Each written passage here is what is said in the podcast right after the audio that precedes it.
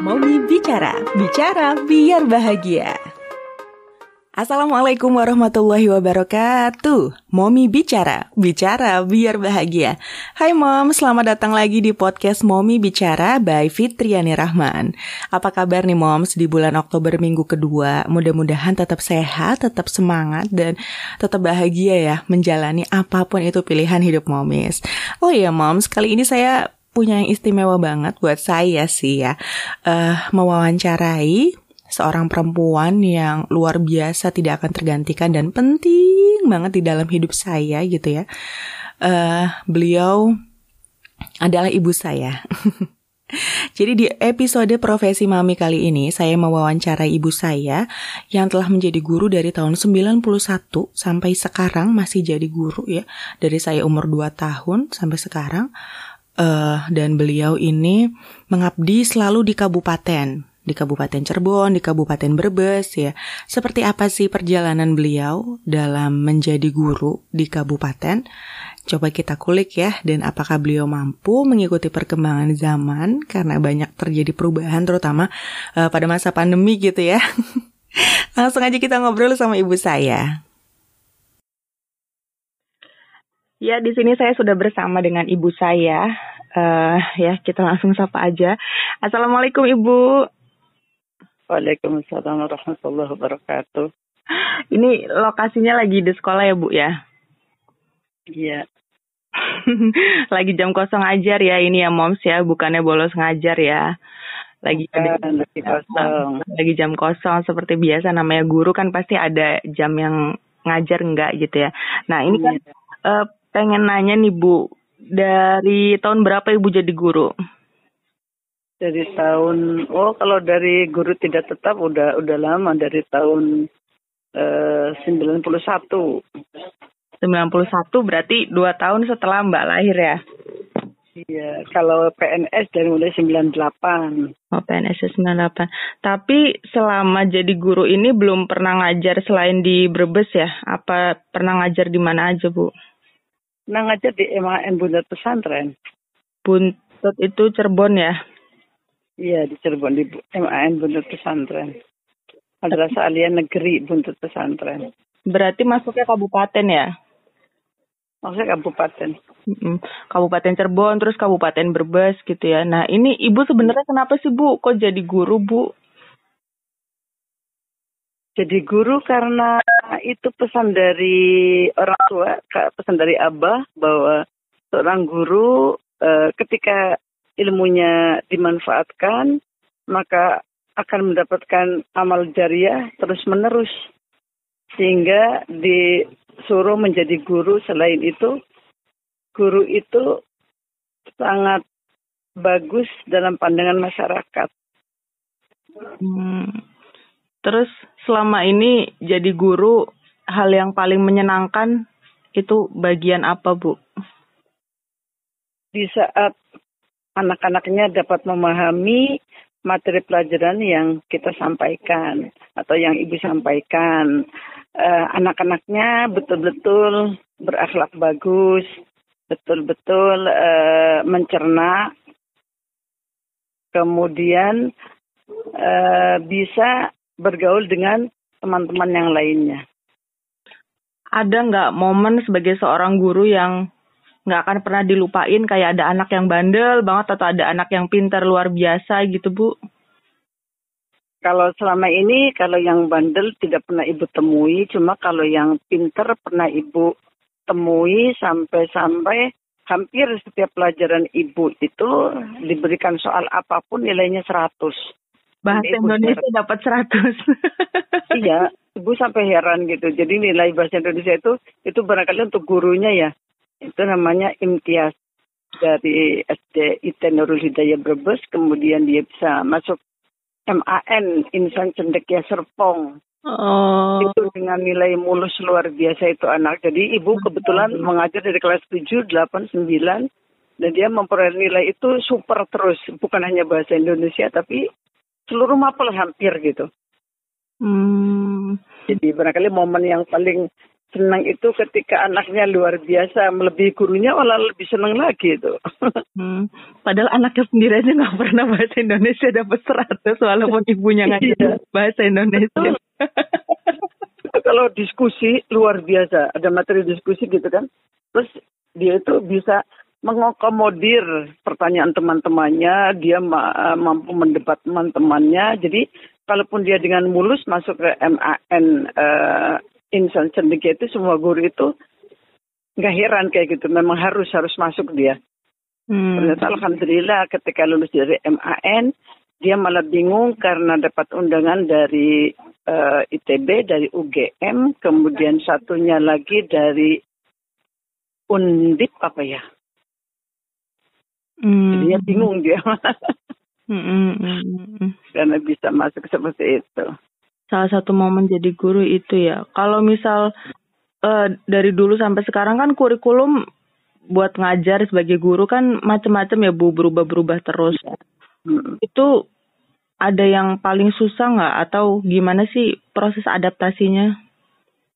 Ya sebagai guru karena memang sudah harus menerima apa pun uh, titah pemerintah jadi kurikulum yang berubah-ubah itu sebenarnya ya bagi guru ya bingung karena kurikulum yang lama belum begitu uh, bisa diterapkan, belum begitu bisa dipahami secara maksimal. Kemudian muncullah kurikulum baru sehingga ketika kurikulum itu berubah-ubah sebagai guru ya sami wa ta'na cuma terus belajar belajar belajar sehingga bagaimana bisa menerapkan kurikulum itu di tengah-tengah uh, kegiatan belajar mengajar sehingga anak didiknya mampu mencerna apa yang kita sampaikan.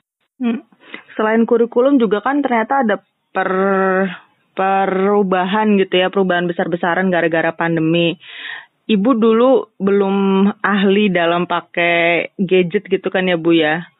Iya. Saya harus meeting pakai Zoom atau Google Meet atau Google Classroom gitu-gitu. Itu butuh waktu lama nggak sih Bu untuk ngertinya? Atau terpaksa harus belajar dengan keras karena ya emang udah waktunya harus cepetan berubah gitu?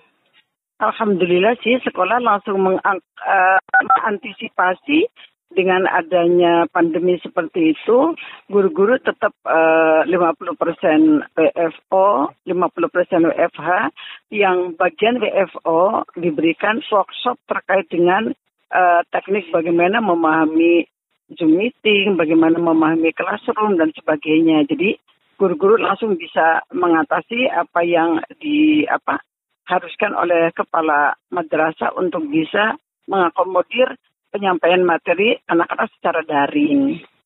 Hmm, berarti memang dari sekolah sudah difasilitasi ya supaya nggak terlalu ya, lama ya. belajarnya ya untuk perubahan ya. dari tatap muka terus ke online gitu. Tapi selama iya. pembelajaran ya. online kan ini di kabupaten Bu, kan kalau Fitri pulang kan kayak internet tuh susah banget gitu. Di sana gimana sih ketika lagi sekolah online tanggapannya para orang tua atau para uh, anak-anaknya sendiri? Orang tua tak memang ngeluh gitu ya. Tapi anak-anak uh, eh, MTS itu sudah dibekali dengan uh, uang jadi anak-anak itu malah diberikan kuota gitu. Diberi kuota untuk uh, mengikuti pembelajaran daring sehingga orang tua tidak begitu keberatan. Cuma keberatan orang tua itu ketika anak-anaknya tidak memahami materi pelajaran yang disampaikan gurunya. Kalau kaitannya dengan kuota alhamdulillah sih bisa dibantu dari sekolah. Cuma ya itu semua hampirlah hampir 90% orang tua itu merasa keberatan dengan terus-terusan daring gitu karena tidak semua orang tua mampu memahami seluruh mata pelajaran sehingga kewalahan yang kadang-kadang ya bisa fatal anaknya itu pengen pindah karena capek gitu. Dikiranya di sekolah lain tidak demikian gitu. Apalagi pelajaran SMP kan lumayan udah mulai susah, mulai ya. tinggi gitu maksudnya pemahamannya. Apalagi dari yang perpindahan dari SD ke SMP gitu kan ya. Iya. Lebih lebih apalagi kalau kemudian yang agak sulit lagi tidak semua orang mengerti, memahami pelajaran agama. Kalau di SD itu pelajarannya hanya berapa, SMP juga paling berapa. Nah MTS itu kan sampai 16 mata pelajaran. Jadi pelajaran pendidikan agama itu sudah uh, apa terperinci gitu, tidak secara global pendidikan agama tidak. Kalau di MTS itu ya sudah tersendiri ada bahasa Arab, ada fikih, Al-Quran hadis, akidah akhlak, sejarah kebudayaan Islam. Itu tersendiri tidak tergabung seperti layaknya di SMP. Nah orang tuanya ketika ketemu dengan SKI bahasa Arab kan mental gitu kan karena sulit gitu apalagi udah tingkatan uh, apa SM apa tingkatan SMP gitu ya MTS gitu. Ya, Jadi ya katanya oh. seperti itu. Ya mungkin kan karena harapannya orang tua dimasukin ke MTS biar anak bisa belajar agama dari dari guru-gurunya lah. Tapi ya, disuruh di rumah pandemi. pandemi jadinya ya. Tapi sejauh ini berarti keluhannya lebih ke nggak bisa ngajarin di rumah gitu ya Bu. Kalau dari kuota, yeah. dari apa koneksi internet gitu, walaupun di kabupaten nggak terlalu itu ya?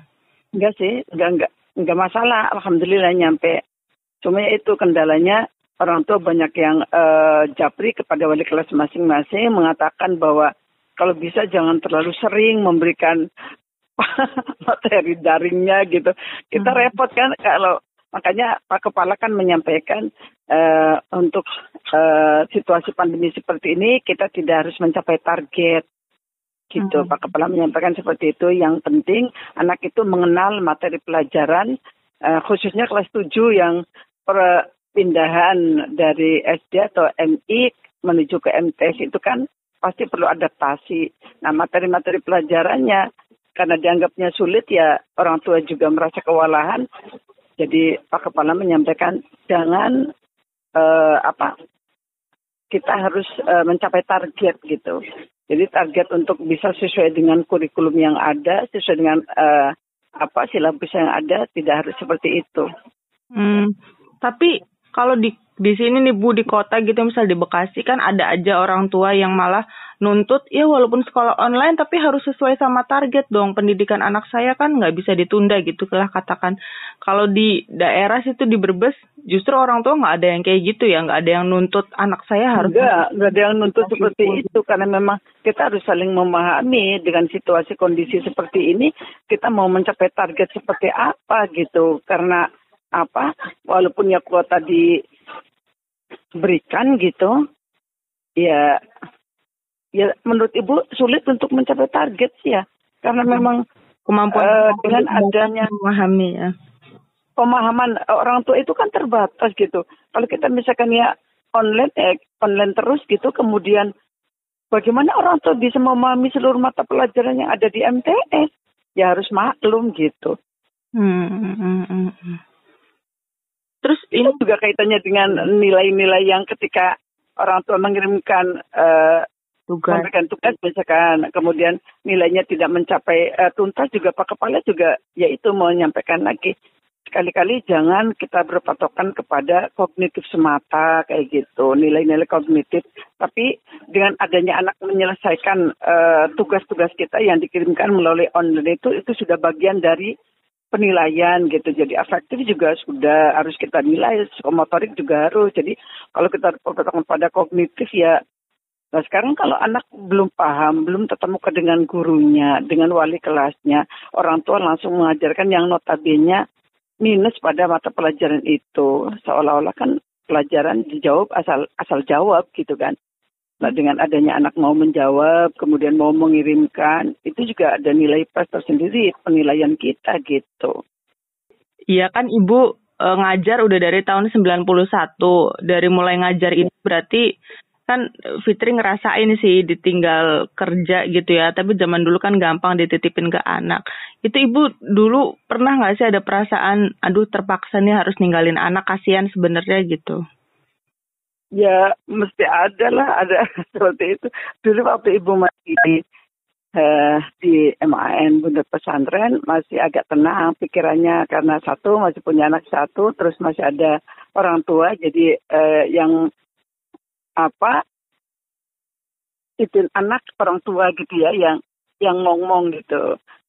Kemudian setelah tahun 93 ketika mengajar masih ada rewang agak tenang sedikit pikirannya gitu itu anaknya dua begitu apa rewangnya tidak ada sempat kayak stres gitu antara pilihan kalau saya tidak ngajar, saya tidak memanfaatkan ilmu, sementara sekaya semacam wasiat dari orang tua bahwa apa pun kamu harus jadi guru gitu. Nah, di sisi lain, anak ini gimana gitu ya. Akhirnya ibu sebisa mungkin sebelum uh, ngajar karena memang guru tidak tetap gitu ya. Jadi masih bisa diesak-esak tidak seperti PNS. Nah, itu masak dulu gitu, menyiapkan ada makanan, ada lauk, ada sayur dan sebagainya kemudian baju-baju anak-anak juga disiapkan, nanti baju ganti setelah sekolah juga disiapkan, kemudian ibu mencoba untuk bisa menyelami e, berpikir anak bagaimana kira-kira anak itu bisa mandiri tanpa ada orang tua sehingga dititipi kunci kalau misalkan ya mau main silakan kuncinya diletakkan di mana kemudian kalau mau sekolah ini bajunya kalau pulang sekolah ini baju gantinya jangan sekali-kali pakai baju sekolah dengan bermain kayak gitu jadi alhamdulillah sih anak-anak nyambung semua gitu. kalau udah, udah pede. Iya kan kalau sebagai guru alhamdulillah di sekolah ibu ngerasa uh, ber, bisa berhasil gitu ya menelurkan murid-murid yang ya. yang hebat gitulah bisa dapat apa-apa ya. segala macam. Kalau sama anak ibu sendiri ngerasa ada kebanggaan nggak? Aku jadi ibu mereka aku bisa uh, menjadikan anakku begini begitu gitu. Iya bangganya dari dulu ketika orang-orang sudah mengatakan eh anaknya Bu Joni ya ranking terus gitu. Masa gak bangga? Dari SD anak-anaknya ranking semua. Nggak laki-laki nggak perempuan nggak fitri nggak habis. Semua ranking itu jadi kebanggaan tersendiri. Seiring berjalannya waktu kemudian eh, apa mampu diterima di sekolah yang favorit itu terus aja gitu. Kemudian eh, sampai detik ini Alhamdulillah uh, apa bisa beradaptasi dengan lingkungan di mana pun lingkungan berada. Anak-anak ibu setelah berkeluarga baik Fitri maupun Abi gitu. Jadi kalau ibu kebanggaan tidak pada ukuran materi tetapi bagaimana anak itu bisa eksisten uh, apa ya punya eksistensi tersendiri di lingkungan di mana pun dia berada gitu. Jadi mampu membawa diri uh, di masyarakat yang notabene sangat kompleks gitu ya bisa bisa beradaptasi itu udah kebanggaan sendiri. Tapi ya bukan hanya itu, dengan potensi-potensi anak ibu yang bisa uh, dikembangkan itu suka sedih setelah bapak nggak ada gitu. Aduh, anak-anak ini sudah berhasil, bapaknya nggak ada ya. Sedih gitu. Iya bu. Iya pasti bapak kalau masih ada juga seneng ya ngelihatnya ya. Bapak juga bangga karena bukan menuntut dari materi gitu ya. Tapi dengan Abi bisa eksis dari pegawai, Fitri bisa eksis uh, sesuai dengan dari dulu. Gitu kan pengen jadi penyiar tapi ternyata kan berhasil gitu.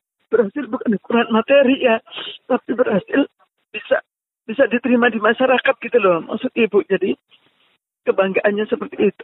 Tidak semuanya tidak diukur dengan materi. Karena kalau kita bisa eksis di masyarakat, ibu pikir materi akan bisa ikut sendiri gitu loh. Amin. Jadi amin. harus kita tidak harus kita nanti ukurannya berapa, dapatnya berapa itu tidak. Makanya ketika ibu jadi GTT dulu tahun 91 di MAN, kemudian begitu ibu GTT juga di Brebes gitu, sebelum ibu 98 jadi CPNS, itu sebenarnya kalau menurut logika itu orang-orang itu ngapain sih? Wong gajinya gak seberapa GTT gitu. Tapi pengeluaran dengan itu besar-besar daripada tiang. Cuma kembali ibu dan bapak itu punya prinsip. Yang penting ilmunya manfaat bisa disampaikan kepada orang lain. Mudah-mudahan orang lain bisa memanfaatkan uh, ilmu yang ibu sampaikan. Jadi dengan sendirinya dengan kesabaran itu alhamdulillah Oh Ibu 97 ikut CPNS bisa diterima dan PNS 98 bisa.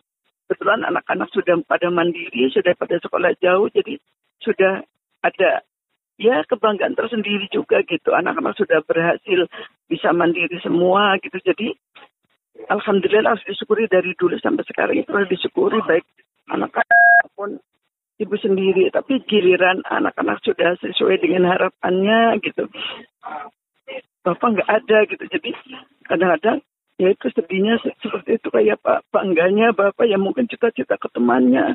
Itu Fitri seperti ini itu Abi. Alhamdulillah udah ini kayak gitu. Jadi ya ya memang itulah. Iya. Terima kasih Bu udah mau cerita-cerita di sini. Uh, Hmm. Mungkin nanti bentar lagi waktu istirahatnya mau habis biar ibu masih ada kesempatan mungkin mau nyemil-nyemil jajan atau mau sholat iya. duha kalau belum sholat duha. Udah sholat duha tapi belum sarapan. Oh ya udah ya Allah. Ya. ya jam segini kadang ibuku emang belum sarapan ya karena emang berangkat ya. pagi banget dari rumah jam tujuh kurang terus udah ada di rumah gitu eh udah di rumah udah ada di sekolah. udah berangkat. Itu dia setengah tujuh harus udah standby. ya Bu sekali lagi makasih ya Bu maaf diganggu ya. jam istirahatnya nanti telepon-teleponan yang selebihnya nanti lagi terima kasih ya. Bu selamat ya. istirahat. Sama. Assalamualaikum. Waalaikumsalam warahmatullahi wabarakatuh. Demikian moms obrolan saya sama ibu saya yang saat ini mengajar di salah satu MTS negeri di Kabupaten Brebes. Mudah-mudahan ada yang bermanfaat ya yang bisa dipetik dari obrolan kami hari ini. Saya Fitriani Rahman mohon pamit undur diri. Mohon maaf kalau ada kesalahan. Wassalamualaikum warahmatullahi wabarakatuh. Momi bicara, bicara biar bahagia.